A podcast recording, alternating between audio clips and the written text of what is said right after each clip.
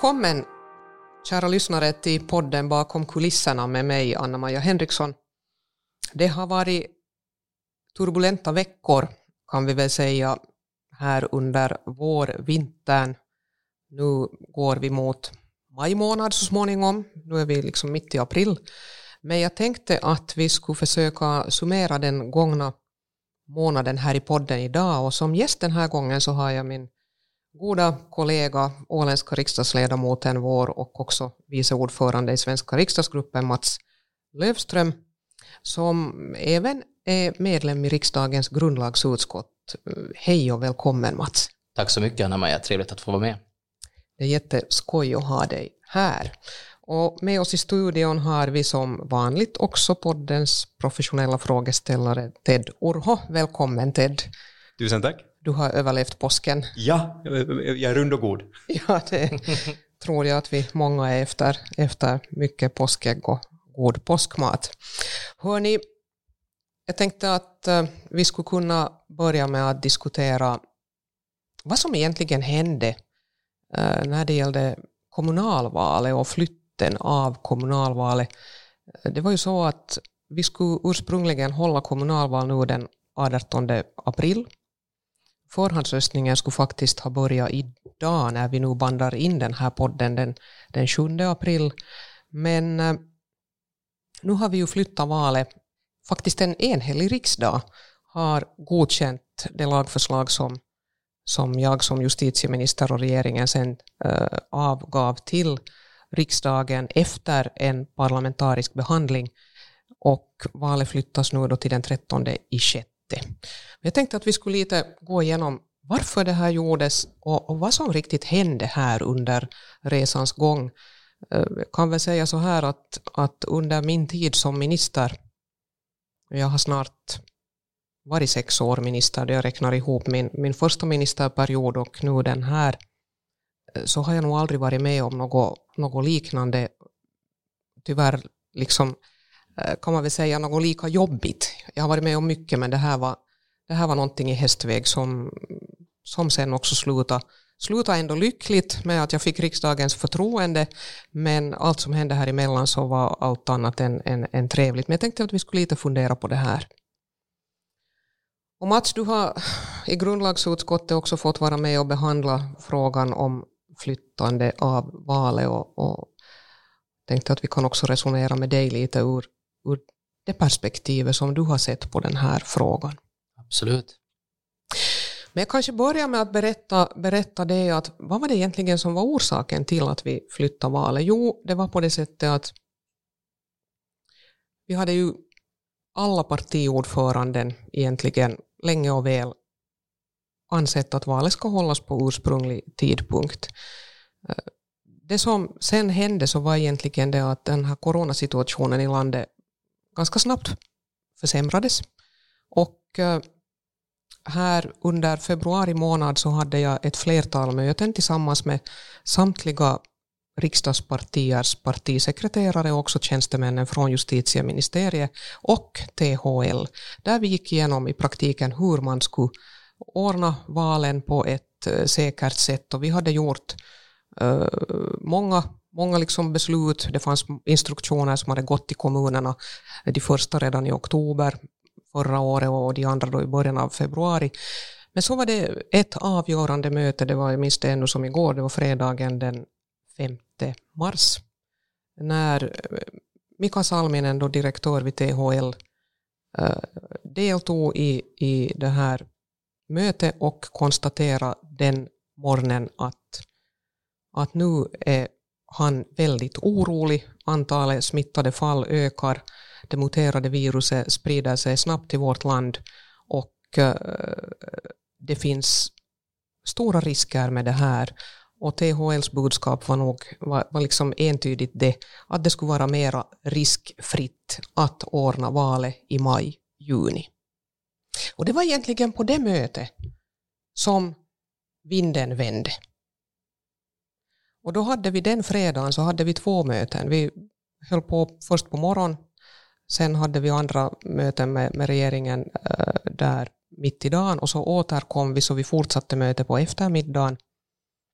Och äh, före kvällen var slut så hade egentligen sju av nio partier redan bestämt sig och insett att, att det enda kloka är att flytta, med, äh, flytta valet.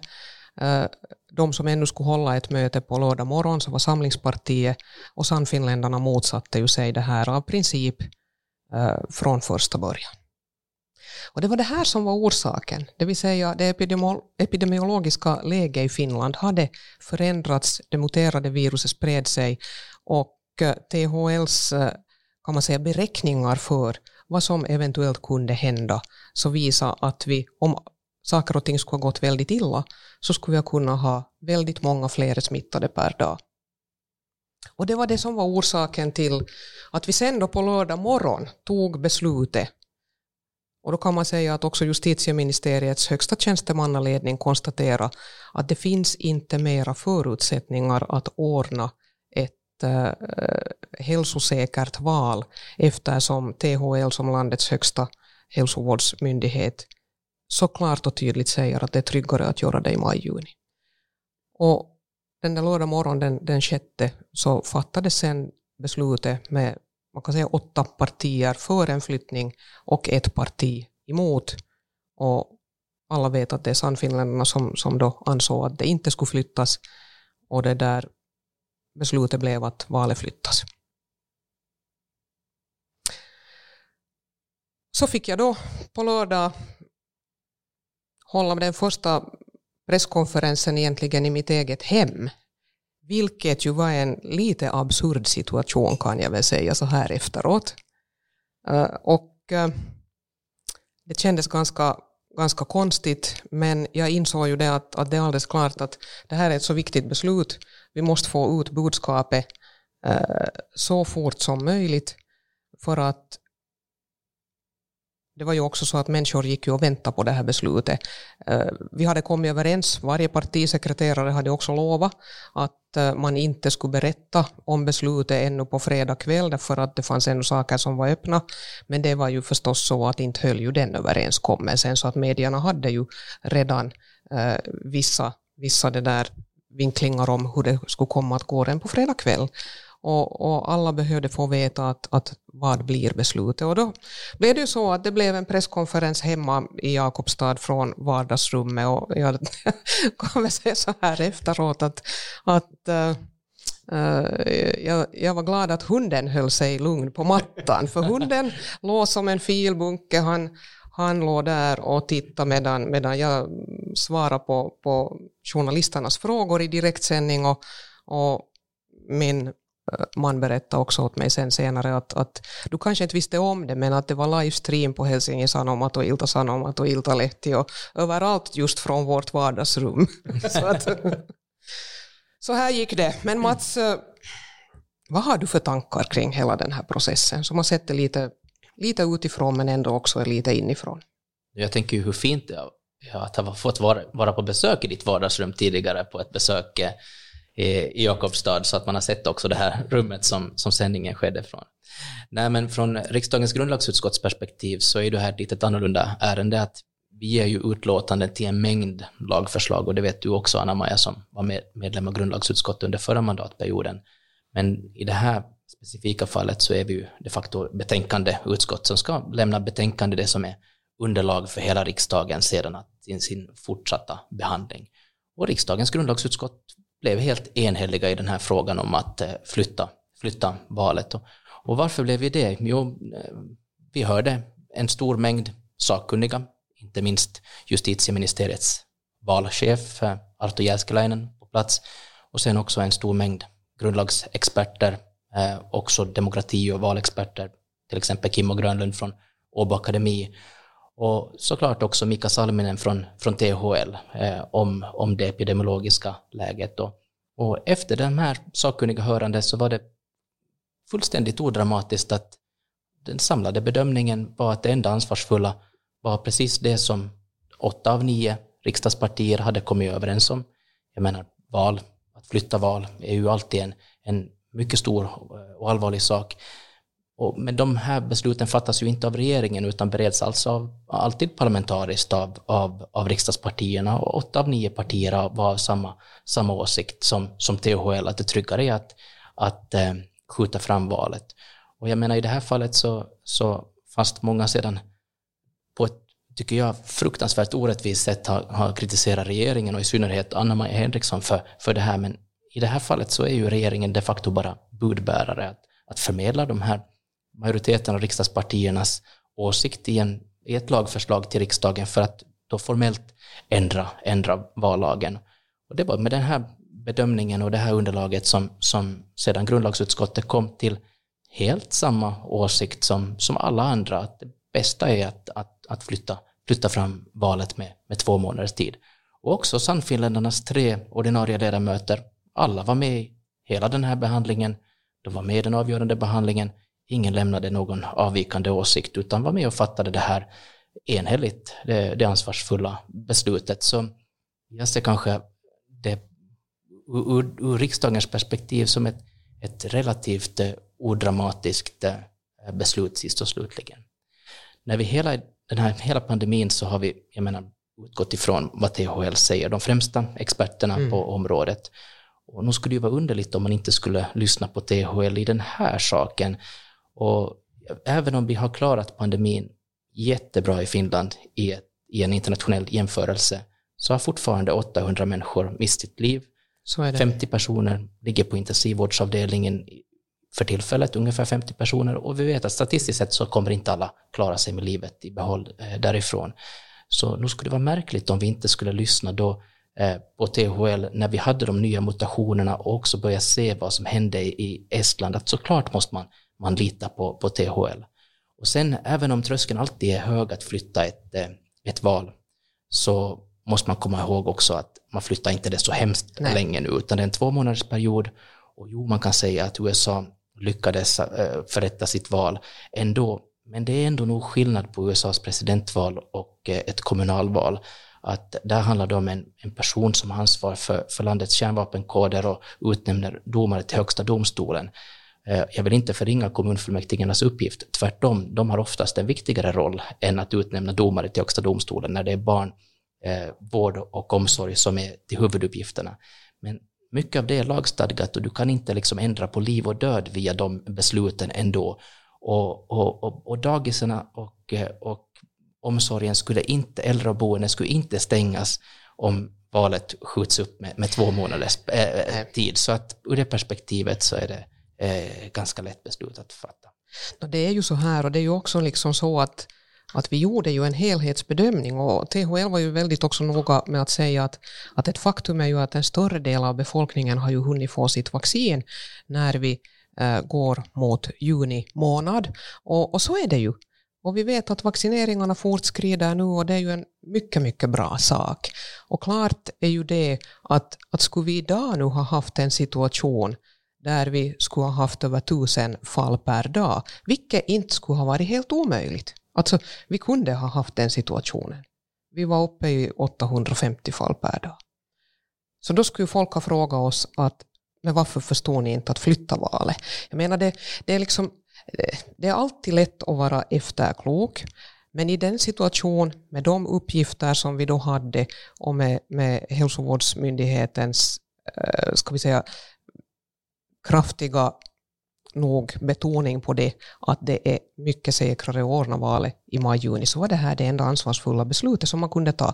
Och när det gäller tidpunkten för valet så funderar vi ju då faktiskt också det att, att nu flyttar vi det då till juni eller går det till hösten? Och, och där hittar vi snabbt en enig linje. Att, att det, det, om vi håller det i juni THL också benämnde att, att eh, situationen antagligen är betydligt bättre i juni. Eh, uh, fler människor har fått vaccin och vi går mot en tid när det blir säsong, uh, ska vi säga, inverkan. Så som vi såg också senaste sommar att antalet smittade går ner när man går mot sommaren. Allt det här talar för att att den 13 juni kunde vara en bra tid.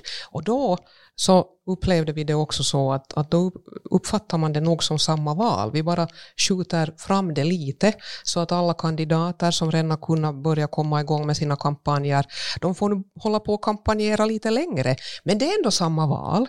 Att det skulle vara en helt annan situation om man skulle ha sagt att det blir sen i oktober. Att det, det, det tyckte jag inte själv heller att skulle ha varit en bra idé. Men så här blev det och, och, jag är glad att, att vi tog det beslutet och, och nu finns det tid och man kan ännu bli kandidat och, och du är som lyssnare också hjärtligt välkommen med. Om inte du ännu är kandidat på någon av SFPs eh, listor runt om i landet så, så hjärtligt välkommen med. Man kan ännu anmäla sig. Ted? Det som jag blev fundera ja. på, eh, det är spännande att sitta här för nu har vi både riksdag och regering mm. och, och, jag kan vara väljarkåren. Mm. Eh, det som Mats säger om, om, om till exempel Sannfinnarna i grundlagsutskottet, att, att de, de lämnar inte avvikande åsikter, de hojtar inte och skrek inte den här liksom, så som vi ser dem i, i allmänheten. Hur var det med det här partisekreterarmötet? Var, var, var, liksom, var Sannfinnarnas partisekreterare foglig eller, eller spjärnade han emot där? No, alltså han, han konstaterade, som Sannfinländarna har konstaterat också i riksdagens plenisal, att man har kunnat ordna val på andra mm, ställen i världen och, och, man tyckte nu bara det att det fanns inte, det fanns inte tillräckligt med, med argument för att flytta valet. Så att, att eh, inte kom det liksom några andra förslag heller därifrån utan det här var nu, det var nu rakt upp och ner så här. Till saken hör ju att jag också ringde partiordförande Jussi halla den där fredag fredagskvällen före det slutliga beslutet sen togs på lördag för att ännu tala med honom kring det här för jag ville försöka få ett enhälligt beslut och jag såg att vart det lutade, inte visste jag exakt då vad Samlingspartiet skulle ta för beslut men jag, jag hoppades att de skulle inse att det här var det bästa och det gjorde ju de sen eh, fastän de på annat sätt sen märkte ut sig eh, men det kan vi återkomma till. Men, men, men hur som helst så, så så Halla hade ju han, han, han hade ju den inställningen bara att om man nu klarar av att hålla val annanstans så ska vi nog också klara det i Finland. Men jag sa åt honom att tycker du inte då att det kanske är till och med bättre för demokratin om vi får flera människor som också känner att det är tryggt och vågar gå och rösta istället för att man skulle vara rädd att gå och rösta i rädslan för att man skulle bli smittad fastän vi har vidtagit alla tänkbara åtgärder. Och, men det tyckte han inte att var ett problem. Så att man kan säga så här att för dem så spelar inte den här röstningsprocenten, det vill säga hur många människor som skulle ha varit med och, och valt de kommunala fullmäktigarna, det spelar ingen större roll för dem. Utan de ville hålla fast vid sin princip. Och jag tror att det, höll nu, det handlar ju också om det att de ville vara annorlunda, vilket de för tillfället vill i många frågor. Sen kan man väl säga så här att, att hans argumentering höll ju inte sen när han försökte förklara varför man inte från Sannfinländskt håll kom med ändringsförslag i grundlagsutskottet. Det skulle de bra ha kunnat göra. Men de valde att inte göra det, vilket ju betydde att de svängde kappan och i riksdagen så var de plötsligt för att valet skulle flyttas, men samtidigt så väckte de, de misstroende mot den minister som föreslog att valet, eller som föredrog den, den, den eh, proposition som då regeringen gav och, och föreslog att valet skulle flyttas. Så det blev ju en märklig helhet av det hela. Normalt i riksdagen så är ju grundlagsutskottet eh, ett utlåtande utskott på samma sätt som när vi inte har en grundlagsdomstol i Finland utan man ska säkerställa att alla lagförslag är, är, är förenliga med grundlagen och så också det här lagförslaget naturligtvis. Men i de frågorna så, så ska man ju inte se de politiska partiernas skiljelinjer. Men här var det en annan fråga för det här var ett politiskt förslag också där, där grundlagsutskottet uttryckligen var betänkande och skulle man då haft liksom politiska andra åsikter så borde man naturligtvis lyfta fram dem i den i utskottsbehandlingen och reservera sig redan där och inte bara sedan göra det i, i, ja. plenisalen. Men eh, jag menar, som, jag har stort, eh, stor respekt för mina kollegor också i grundlagsutskottet och jag menar, de visar ju att de fattar ju det rätta beslutet genom att inte reservera sig utan att stödja den här flytten av valet eftersom våra sakkunniga ändå var mycket enstämmiga i det här, både de hälsosakkunniga men också valexperterna samt eh, grundlagsexperterna, att det, att det fanns så stora risker av att, att hålla valet på den ursprungliga tiden. Och vid sidan av de hälsoaspekterna så fanns det kanske några stycken viktiga punkter att lyfta fram. För det första valdeltagandet. Eh, Portugal ordnade presidentval i januari med ett 40-procentigt valdeltagande, alltså ett väldigt, väldigt lågt valdeltagande som sjönk mycket på grund av, att, av coronavirus, men det tillät inte grundlagen att man skulle flytta på valet. Många andra länder i Europa så har flyttat sina olika val framåt, så att det håller inte att inte andra länder skulle ha gjort det, men det måste ju naturligtvis göras utgående från deras grundlag.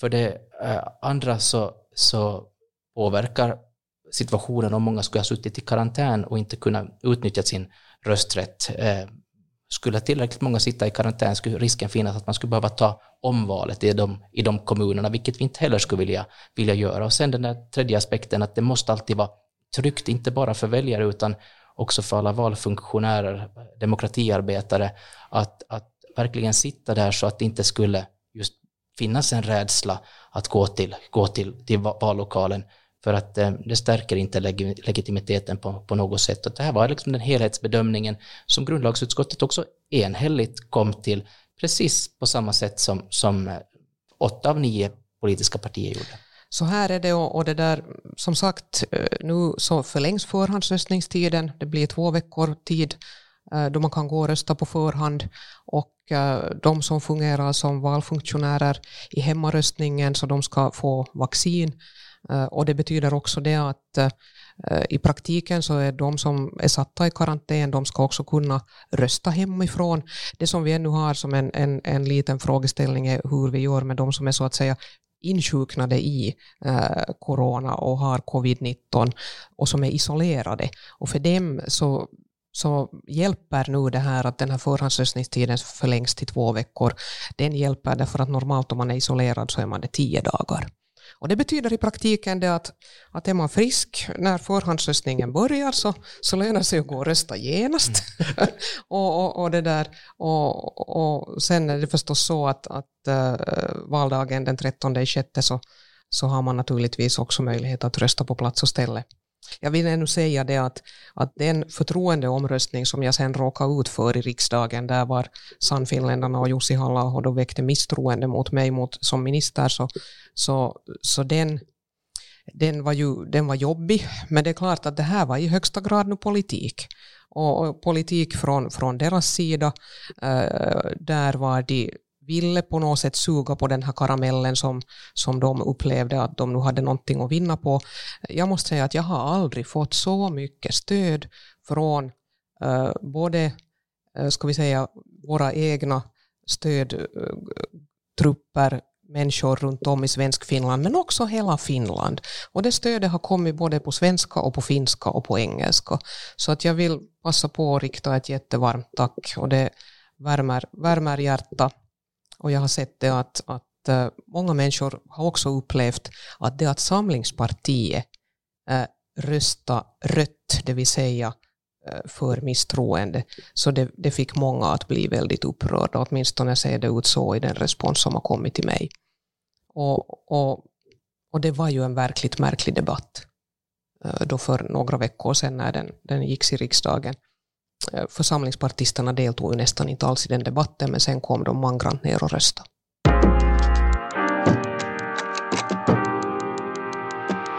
Om vi då flyttar till, till nästa tema, alltså jämsides med den här frågan om kommunalvalet, så, så dök också sen frågan om att eh, är smittoläget i Finland så pass svårt att vi behöver ännu striktare begränsningar? Och då var det ju på det sättet att statsministern meddelade att att de har på statsrådets kansli under en tid berett en, en eh, lag för att eh, begränsa rörelsefriheten och eh, det var ju det, att, no, det kan jag väl säga här också klart ut, att det var ju så att, att, att statsrådets kansli var ju då så att säga det ministerium.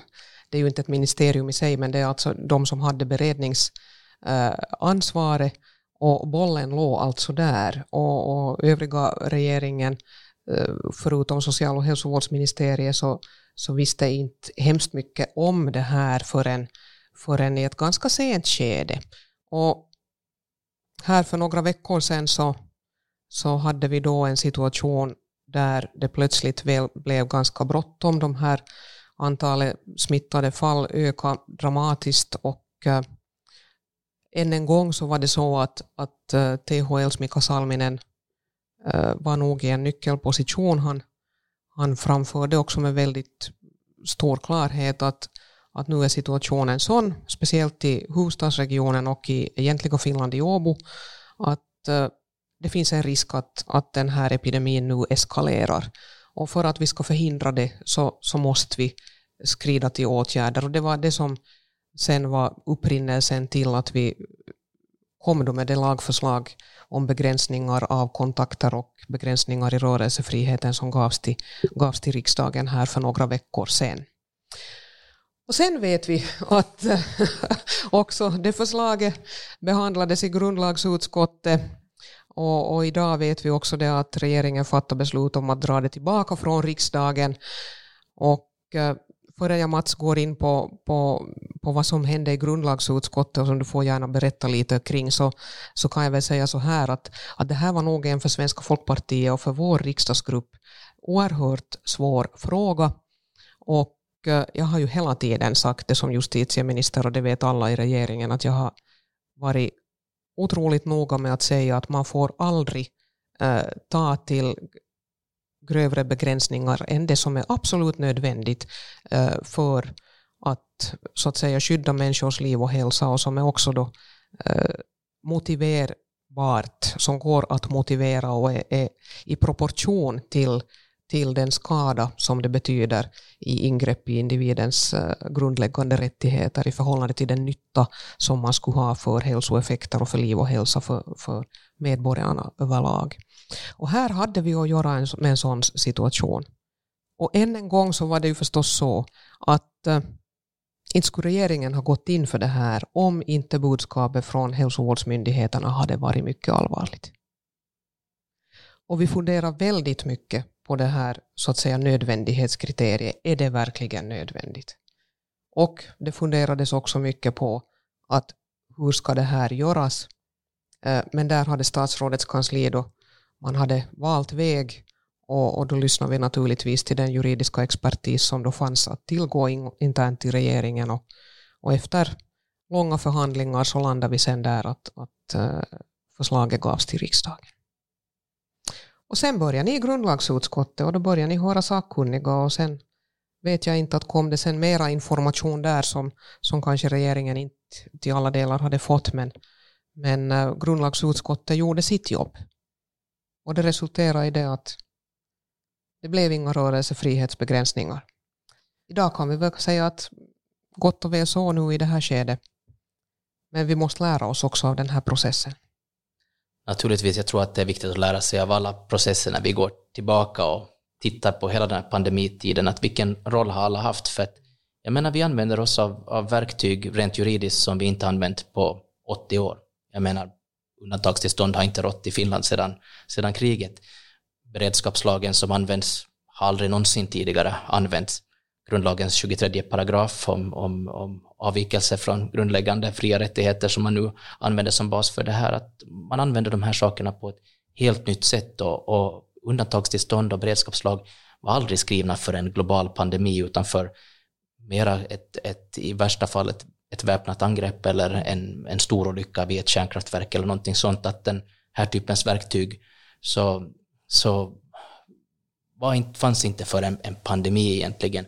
Och det här tror jag är ganska viktigt att komma ihåg när man, när man liksom från, som utomstående läser tidningen om, om kanske spelet och det politiska spelet, att det, att det här är väldigt komplicerade frågor det handlar om.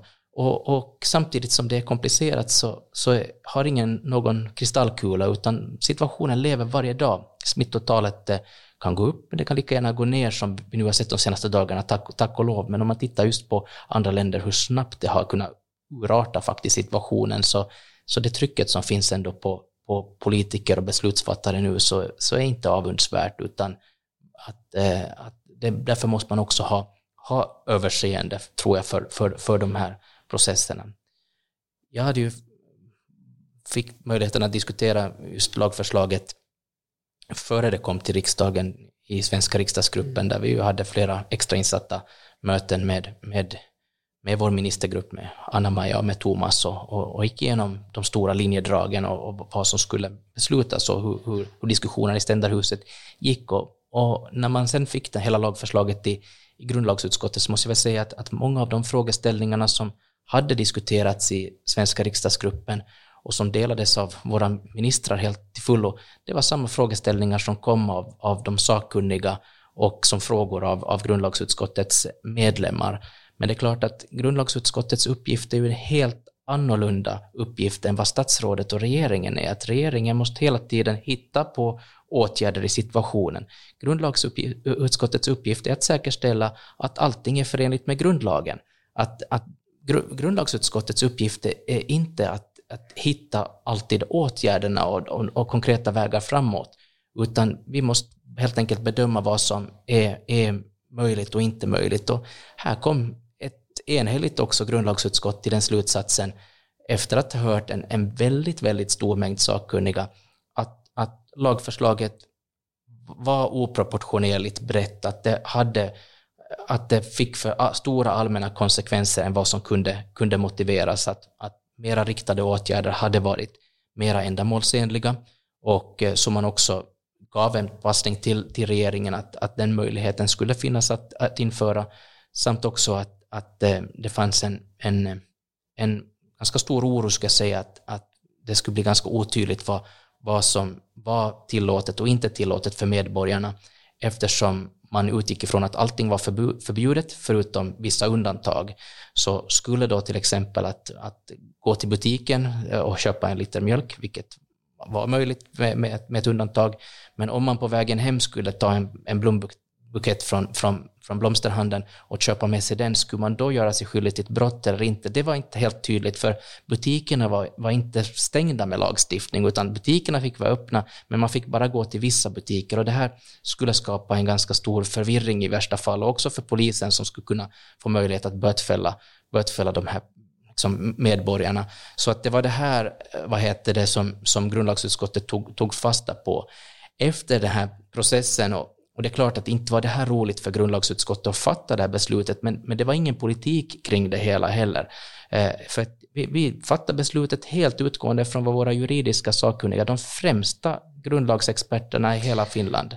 Så, så eh, Antti Rinne som är vår grundlagsutskottsordförande, tidigare statsminister och Sanna Marins företrädare, inte var det roligt säkert att ringa till Sanna Marin och berätta att grundlagsutskottet kom till de här betänkligheterna. Nej, det var nog knappast det och det var fa faktiskt så att jag, jag, satt, eh, jag satt då igen i mitt vardagsrum faktiskt hemma i Jakobstad när, när jag satt i den här regeringens förhandling eh, den här samma onsdag när grundlagsutskottet eh, kom med sitt utlåtande. Och då togs det en förhandlingspaus i regeringen och så sammanträdde kvintetten. Och, och då kom vi ju till det att, att det enda kloka här är nu att vi drar tillbaka hela det här förslaget från riksdagen och och jag tror att, att det var det bästa vi kunde göra. Men det som man nog kan säga och som gör mig, ska vi säga lite orolig och som samtidigt också är en sak som, som vi måste eh, fundera på nu när, när vi så småningom kommer ut ur den här krisen, så är ju nog det att om vi har ett verkligt krisläge, så på vilket sätt ska vi hantera det? För jag menar, det som grundlagsutskottet föreslog, det var också en sak nog som vi hade diskuterat i regeringen, det vill säga att om man skulle ha haft eh, mera ingående, detaljerade, riktade åtgärder, till exempel att du inte får uh, ha samlingar, du får inte träffas i köpcenter och du får inte träffas hemma. Men vi upplevde att det är mycket svårare att inskränka individens privata sfär i hemmen än vad det skulle vara att begränsa så att säga rörelsefriheten där du ändå skulle få gå eh, i praktiken ut och motionera, du skulle få gå till butiken och allt det här som nu var, var tänkt att du ändå skulle få göra. Alltså min, äh, mitt bekymmer idag, eller det som egentligen äh, oroar mig, är nog det att skulle vi vara i en riktigt krissituation, låt säga att vi idag skulle ha haft 1500 fall, vad skulle vi ha gjort? Alltså, eh, du förstår Mats vad jag, vad jag menar, att, att vi, vi borde på något sätt, då skulle man ändå säga att men varför gör ni ingenting? No, vi gör ingenting därför grundlagsutskottet säger att vi inte kan göra eh, det här som vi hade tänkt göra. Problemet var ju att THL, THL borde liksom klara av att räkna ut effekterna av alla enskilda åtgärder. Och det här är någonting som de sa åt oss att det är fullkomligt övermäktigt, att de har inte de verktygen, men det vad de kan säga är att som en helhetsåtgärd när man skulle göra så här, som det förslag som då gick till riksdagen är, så skulle det här som helhetsåtgärd göra att man beräknar att man kan minska de här kontakterna med 25 procent. Så att problemet kommer egentligen därifrån att var har vi de tjänstemännen, var har vi de myndigheter som klarar av att beräkna konsekvenser med en sån detalj Eh, precision som egentligen grundlagsutskottet efterlyser. Och då blir ju sen följdfrågan den att är det så att vi har en beredskapslag som inte håller i sådana här situationer? Och svaret på den frågan är entydigt ja. Och det betyder också det att vi är ju helt enkelt, eh, vi blir liksom tvungna om, att, att, att, att tänka om och snabbt efter den här pandemin börja jobba på en förnyelse av beredskapslagen och det måste göras parlamentariskt med alla riksdagspartier med. Och där måste man klara av att tänka att vilka är de nya hotbilder som det nya Finland, de nya samhällena utsätts för. Att det är nödvändigtvis inte militära hot, det måste man fortsättningsvis också räkna med, men man måste sätta mycket mera fokus på att vad betyder en pandemi, vad betyder till exempel cyber säkerhetshot. Vad betyder det om man slår ut alla våra datasystem som styr elektricitet, vatten, sånt här. Alltså, man måste klara av att tänka sig in i helt nya situationer som världen inte tidigare har sett. Och det här visar ju också att vår lagstiftning till alla delar inte är up to date. Med, med facit på hand, jag menar, det lagförslaget ville, målsättningen var att minska antalet smittofall med 25 procent. Mm. Och, och, om man tittar på statistiken i, idag så, så nu är vi ju nere i, i nästan halverade siffror jämte, jämte mot vissa dagar, så att jag menar målsättningen är på det viset redan uppnådd. Men, men det är en intressant frågeställning just att vad hade det hänt om det hade mm. gått åt andra hållet istället? Att, att vilka, vilka åtgärder skulle man då kunna tillgripa? Och jag tror ju ändå att, att då skulle man ju behöva gripa till beredskapslagens vissa andra paragrafer mm. helt enkelt. Och det, den ger ju möjligheten att också via, via förordningar egentligen som träder i kraft omedelbart att man skulle kunna ta, ta sådana i kraft. Ja, men då där fanns inte, alltså den där, det här blir nog lite juristeri, men alltså den här 118 paragrafen i beredskapslagen eh, med, eh, som vi använde då när man stängde Nyland för, för ett år sedan, så vi kom ju till det att den lämpar inte sig i det här sammanhanget. Och med den så kan du liksom stänga av eh, vissa delar av ett landskap, av en stad, en stadsdel eller så, kanske till och med. Men den ansågs vara ett väldigt trubbigt verktyg också för det här mm. ändamålet. Så att det fanns inte riktigt mm. andra utvägar än att gå via den här grundlagens 23 som, sen, eh, som, som nu sen mm. inte heller åtminstone inte så här som det var utformat räckte till. Nå ja, men vi kan, vi kan lämna den här diskussionen och konstatera att, att eh, tack och lov har situationen förändrats. Jag hoppas ju att vi så småningom kan börja öppna upp. Uh, och, och, det ska vi också diskutera inom regeringen här nu och det har vi orsak att återkomma till. Uh, och eh, sen gäller det att fortsätta nog att hålla, hålla avstånd, använda munskydd, uh, se till att man undviker onödiga kontakter, att fastän fallen nu går ner så ska man inte invagga sig i en tro att vi har som nu fixat det här. Att vi är inte riktigt där ännu. Så nu måste alla ändå försöka hålla ut. Uh, jag tror att mot sommaren går vi mot bättre tider. Men uh, faktum återstår att, att tanken var ju, min tanke var alltid att vi inte skulle ha behövt använda de här rörelsebegränsningarna. Det var ju min förhoppning. Och fast vi skulle ha fått det igenom i riksdagen så skulle förhoppningen ha varit det att det skulle kunna hållas i bordslådan. Men nu har vi alltså ingenting där i bordslådan, så blir det värre så måste vi då hitta på något. Men nu tror jag att vi sen övergår till lite ännu andra saker. Åland. Hur är det Mats på Åland? Du kom därifrån i går. I natt. I natt. Alltså det, det, det, det är bra på Åland och, vi, och vår självstyrelse, nu när man får sitta här med Ålandsminister, fyller ju 100 år och vi börjar inleda vårt firande den 9 juni och förberedelserna är i full gång Men eh, det är klart att pandemin så, så skapar ju väldigt mycket osäkerhet att hur man kan, kan, kan fira.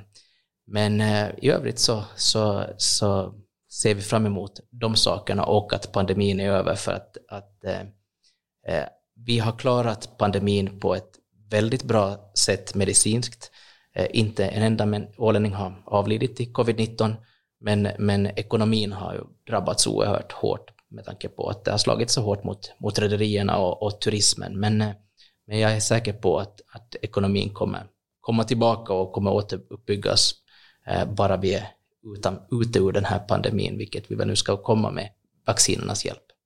Så, så är det och det hoppas vi ju alla att vi snart ska komma ut ur den här pandemin och att våra restauranger, kaféer ska kunna öppna, att vi ska kunna gå på fotbollsmatch och gå på konserter och träffas.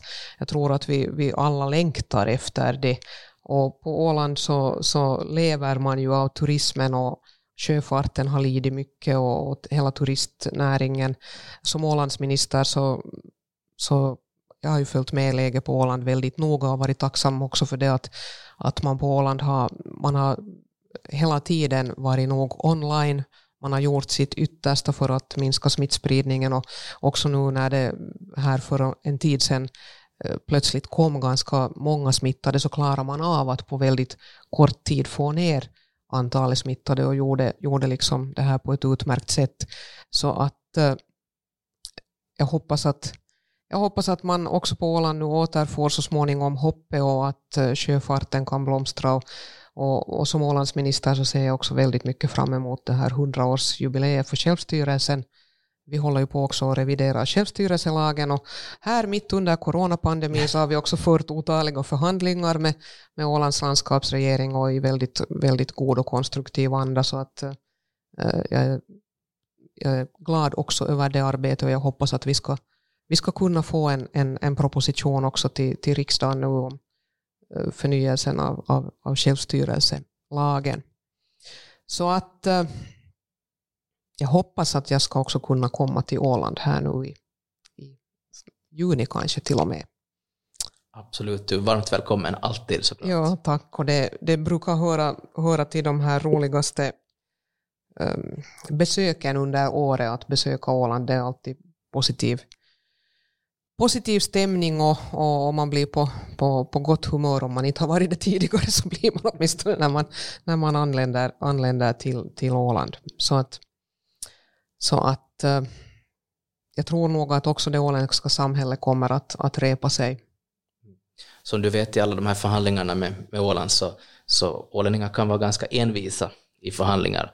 Och, och, och, och det tror jag också är en styrka i den här pandemin, att vi ger aldrig upp Eh, och, och eh, har alltid blick, blicken framåt och, och vet att det kommer ljusare tider efter en storm. Att även om det här har varit den perfekta ekonomiska stormen för, för Åland, som, som vi, jag menar där finanskrisen var en, en västanvind i jämförelse med det som vi nu har råkat ut, så vet vi ändå att den här krisen kommer ta slut och att det finns en ljusare framtid och att eh, vi då har hopp i siktet. Så är det. Och då blir det lite Ålands pannkaka och annat gott. Absolut. Äppel. Äppel och åländsk äppelmust det är ju fantastiskt. Och sen för att inte tala om alla fantastiska restauranger, smakbyn etc. som ni har på Åland. Så det, det man, man, det börjar liksom vattnas i munnen bara vid blotta tanken. man, man blir riktigt sugen på att hoppa på båten så här småningom. ja, så är det. Hinner jag ställa en fråga till Mats ännu? Ja. Eh, jag funderar på det här, i, i, nu under, under liksom ett krisläge så är ju den här myndighetskommunikationen jätteviktig. Hur, hur bra tycker du att, att den här liksom myndigheternas kommunikation på svenska har fungerat från, från, från Finland, mot, från riket mot Åland till exempel? Jag tycker myndighetskommunikationen på svenska har varit bättre än vad den brukar vara egentligen, för att det, det, det, det som har varit att Alltså, det har ju varit simultantolkning på varenda en presskonferens och det kommer ju inte heller automatiskt utan det har ju också varit, det varit aktivt arbete för att säkerställa att all, all information kommer på, på svenska. Men det är klart att visst finns det ju förbättringsmöjligheter hela tiden men jag tror att, att den här typens pandemi så man, man måste också ha översikt att, att eh, förståelse för att, att det har varit väldigt tuff situation för väldigt många inte bara politiker utan, utan tjänstemän, där, där, där nog alla har försökt göra sitt allra bästa varenda dag. Eh, men men eh, det, det som kanske på, man på Åland har mera varit, varit konfunderad över är just att, att olika myndigheter har uttalat sig lite olika eh, på lite olika sätt. Men det är liksom nog inte någonting specifikt för Åland, utan det är lika många i Österbotten eller i Nyland eller i, i Åboland som har tyckt att, att de här linjerna, att det har varit liksom lite, lite problematiskt ibland att följa eh, vad lokala myndigheter, regionala myndigheter, expertmyndigheter och regeringen säger och att, inte, att, att orkestern spelar lite, lite olika. Men det här måste man också, tror jag, ha överseende över och, och, och när man tittar på, på hela hur vi klarar, har klarat krisen i hela Finland så måste vi i en internationell perspektiv också kunna vara, vara ganska nöj, nöjda med det, även om vi inte är ute ur krisen ännu, utan det är precis som Anna-Maja säger, att, att vi måste hålla i nu den här sista biten tills vi med vaccinernas hjälp kan, kan, kan avsluta det.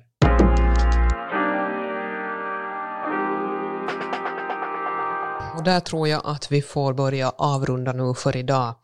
Eh, tack Mats för att, att du var med och tack också till dig Ted du ska hälsa till Åland så mycket när du åker dit nästa gång och före det så blir det lite grundlagsutskott och annat riksdagsarbete här. Oh ja. Det kommer nog att räcka till, är jag ganska övertygad om, hela, hela våren. Ett stort tack också till dig som nu har lyssnat på podden och om du har en fråga eller en kommentar så går det bra att skicka in den via e-postadressen podden sfp.fi eller via SFPs Instagram. Mitt namn är Anna-Maja Henriksson och du har lyssnat till podcasten Bakom kulisserna.